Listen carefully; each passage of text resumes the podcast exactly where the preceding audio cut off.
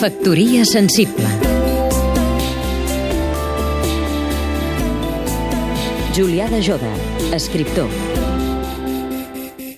Aquests dies el MAC va estar tema de discussió dins l'àmbit del món de l'art.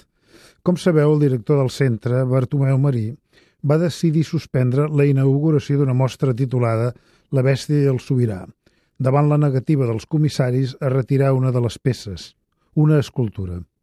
Aquesta escultura de l'artista Ines Dujak era inapropiada, segons va explicar Marí. Una escultura en la qual una figura masculina agenollada, que s'assembla a la rei Joan Carles, és sodomitzada per una dona amb trets indígenes que, a la seva vegada, també ho és per un gos llop.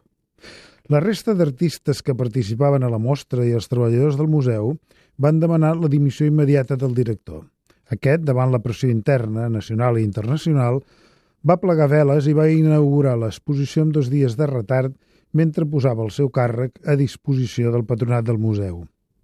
En queden algunes evidències, que, com en política, les institucions estan qüestionades i no s'accepta fàcilment l'autoritat per se, i que, com sempre passa, quan el conflicte sorgeix, ha de rodar un cap per salvar-ne d'altres. Tot això al marge del valor o la bellesa de l'obra censurada – del primer no en diré res, de la segona la lletjor de la peça és evident. No tot hauria de ser contemporani, al marge de la llibertat de l'artista a l'hora de crear. Factoria sensible Seguim-nos també a catradio.cat